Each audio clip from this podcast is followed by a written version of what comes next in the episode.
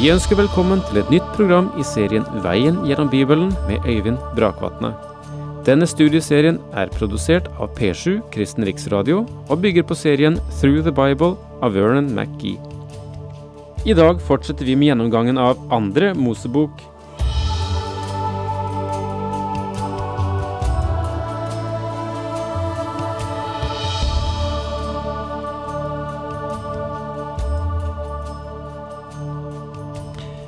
En familie hadde mistet sitt hjem. Det hadde brent ned.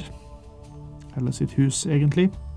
Og de var nødt til å bo en stund på hotell. Eh, folk i byen der dette skjedde, iallfall i nabolaget, visste om dette.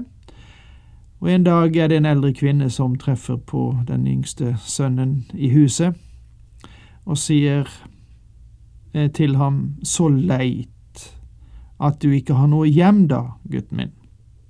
Hvortil den unge krabaten svarte, hjem jo, visst har vi et hjem, jeg har bare for øyeblikket ikke noe hus å sette det inn i. Et eh, veldig fint svar, ikke sant? Eh, vi setter ikke likhetstegn mellom et hjem og nødvendigvis et hus. Det er selve skallet, det er formen utenpå det som skal være vårt hjem. Og likevel så har vel huset i seg selv noe å si, også noe å si om den smak som vi kan ha i et hjem, de forestillinger som vi hyller.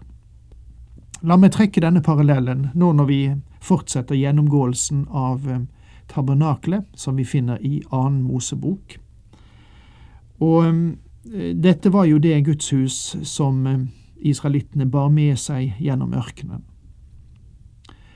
Gjenstandene og alt det som fantes i selve tabernaklet, samt huset selv, om vi skal kalle det et hus, da, eh, hadde sitt å si og har sin symbolverdi for hver enkelt del.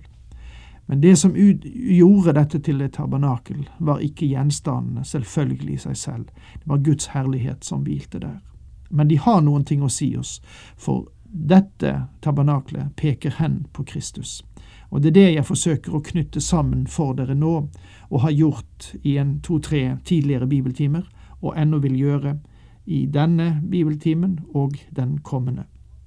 La oss nå gå inn videre i annen Mosebok, kapittel 26. Og vi leste sist versene 15 til 19, og de tar vi igjen. Plankene til helligdommen skal du lage av akasietre. De skal reises på ende. Hver planke skal være ti alen lang og halvannen alen bred. På hver planke skal det være to tapper, så de kan føyes sammen. Slik skal du lage alle plankene i helligdommen. 20 av de plankene du lager, skal stå på den siden som vender mot sør.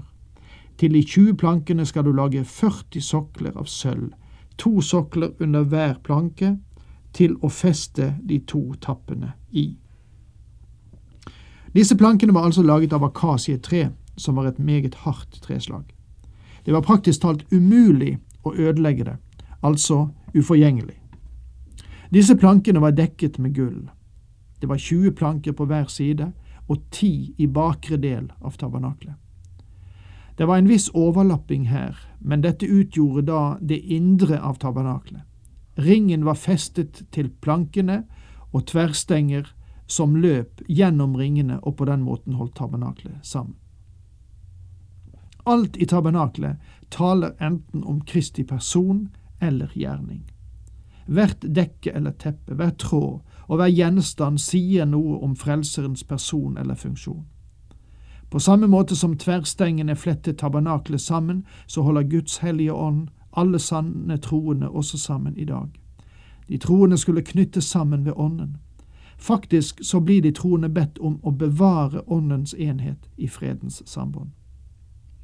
De forheng eller tepper som dekket tabernaklet, hadde hver av dem forskjellige farger og symbolske betydning. Her var blå, som var himmelens farge. Det var skarlagens rød, som taler om Kristi blod. Det var en blanding av blått og skarlagens rødt, som gav en purpurrød farge, som taler om kongeverdighet. Det blå og det skarlagens røde taler om himmelen som rører ved jorden, eller Kristi menneskelige side. Det purpurrøde taler om ham som jødenes konge. Plankene, tverrstengene og ringene var belagt ved gull, som taler om Jesu Kristi guddommelighet.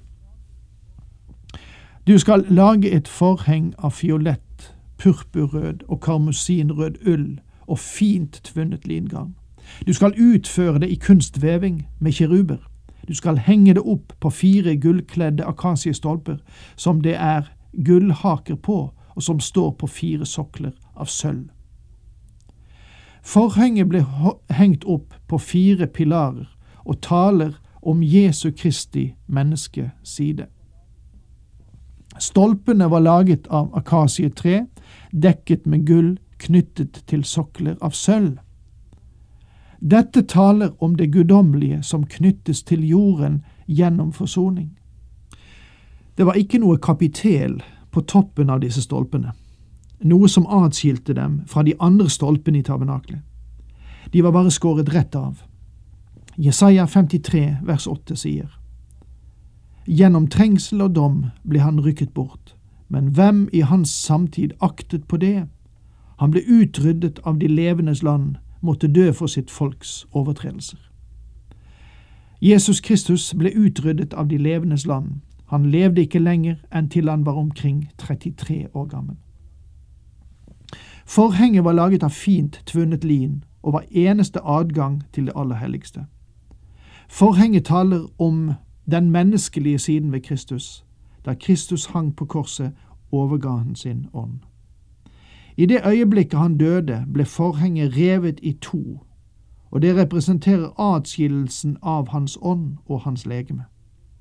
Da forhenget i tempelet ble revet i to, var adgangen inn til Guds trone åpen. Den eneste måte å nå Gud på i dag, er gjennom den Herre Jesus Kristus. Det er bare én inngang til det aller helligste og bare én vei til Gud.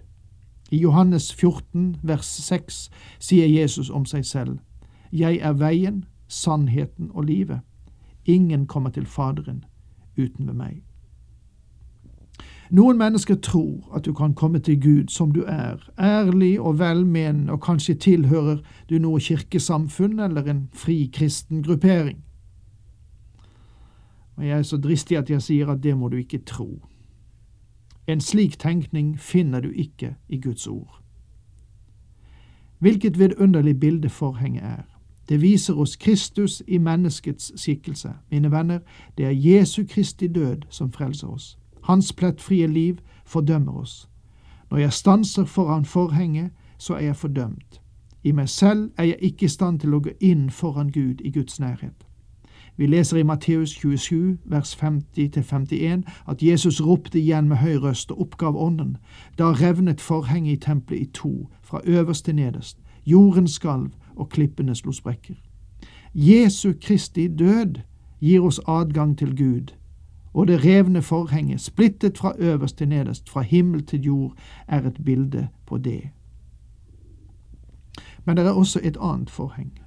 For inngangen til tempelet skal du lage et teppe av fiolett, purpurrød og karmosinrød ull og fint tvunnet lingarn, kunstferdig vevd. Til teppet skal du lage fem akasiestolper og kle dem med gull. På stolpene skal det være gullhaker, og du skal støpe fem sokler av bronse til dem. Dette forhenget førte inn til forgården, tilbedelsens sted, der gullysestaken, skuebrødsbordet og røkofferalteret sto. Vi kan ikke tilbe Gud etter våre egne nykker. Vi må komme gjennom den Herre Jesus Kristus. Vi må komme i ånd og sannhet. Jesus sa, Jeg er veien, sannheten og livet. Ingen kommer til Faderen uten ved meg. Begge forhengene er et bilde på den Herre Jesus Kristus. Og der eh, sier vi oss ferdig med det 26. kapittel i annen Mosebok. Og vi er klar til å gå inn i det 27. kapittel. Temaet som dette kapittelet omhandler, er brennofferalteret og karene, forgården i tempelet og oljen til lampene. Legg nå merke til at når vi kommer utenfor den indre og sentrale del av tabernaklet til forgården, så er tingene som er plassert der, lagd av kobber. Kobberalteret og bronsefatene. I det innerste av tabernaklet husker du at alle tingene var lagd av gull. Jo nærmere du kommer Gud, jo mer legges vekten på Kristi person. Jo lenger bort du kommer fra sentrum, ders mer understrekes Kristi gjerning. Og så står det, fra vers 1 i kapittel 27 i Annen Mosebok, du skal lage et alter av akasietre. Det skal være fem alen langt, fem alen bredt, firkantet og tre alen høyt. På hvert av de fire hjørnene skal du lage et horn, og hornene skal gå i ett med alteret. Du skal kle dem med kobber. Så skal du lage fatene som den fete asken skal bæres bort i, og ildskuffene, offerskålene, kjøttgaflene og glopannene.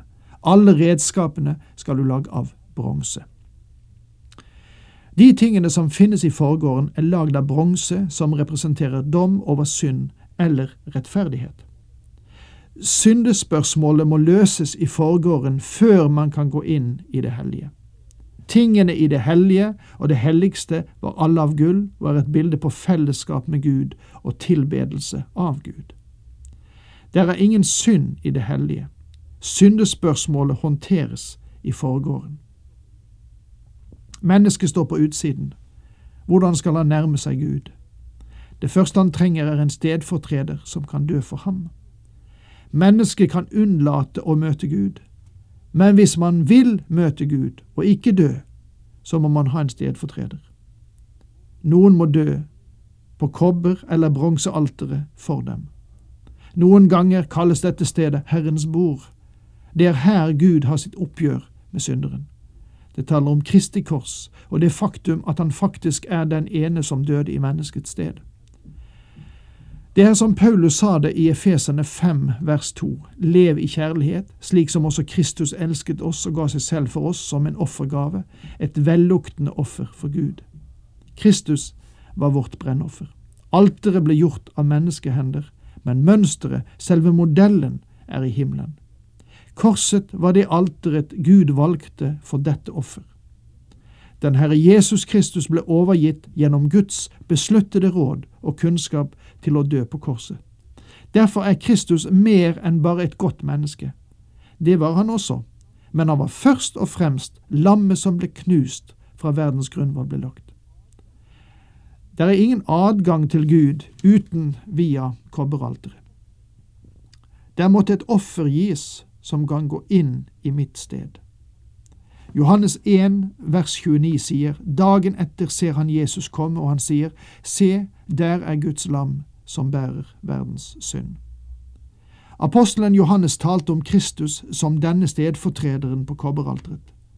For det var det dette korset ble de siste tre timer da mørket senket seg og Kristus betalte for verdens synd. Det sies oss i Johannes 1 vers 12 at alle som tok imot ham, dem ga han rett til å bli Guds barn, de som tror på hans navn. Mennesket kunne ikke tilbe, be eller tjene Gud før de kom til kobberalteret. Hver eneste prest, hver levitt, måtte komme til dette alteret. Mine venner, det er som det står i sangen, bare korsets vei leder hjem til Gud, og jeg må den veien gå. Og jeg håper du er villig til å gjøre det. Nå er tiden ute. Takk for nå, Herren med dere.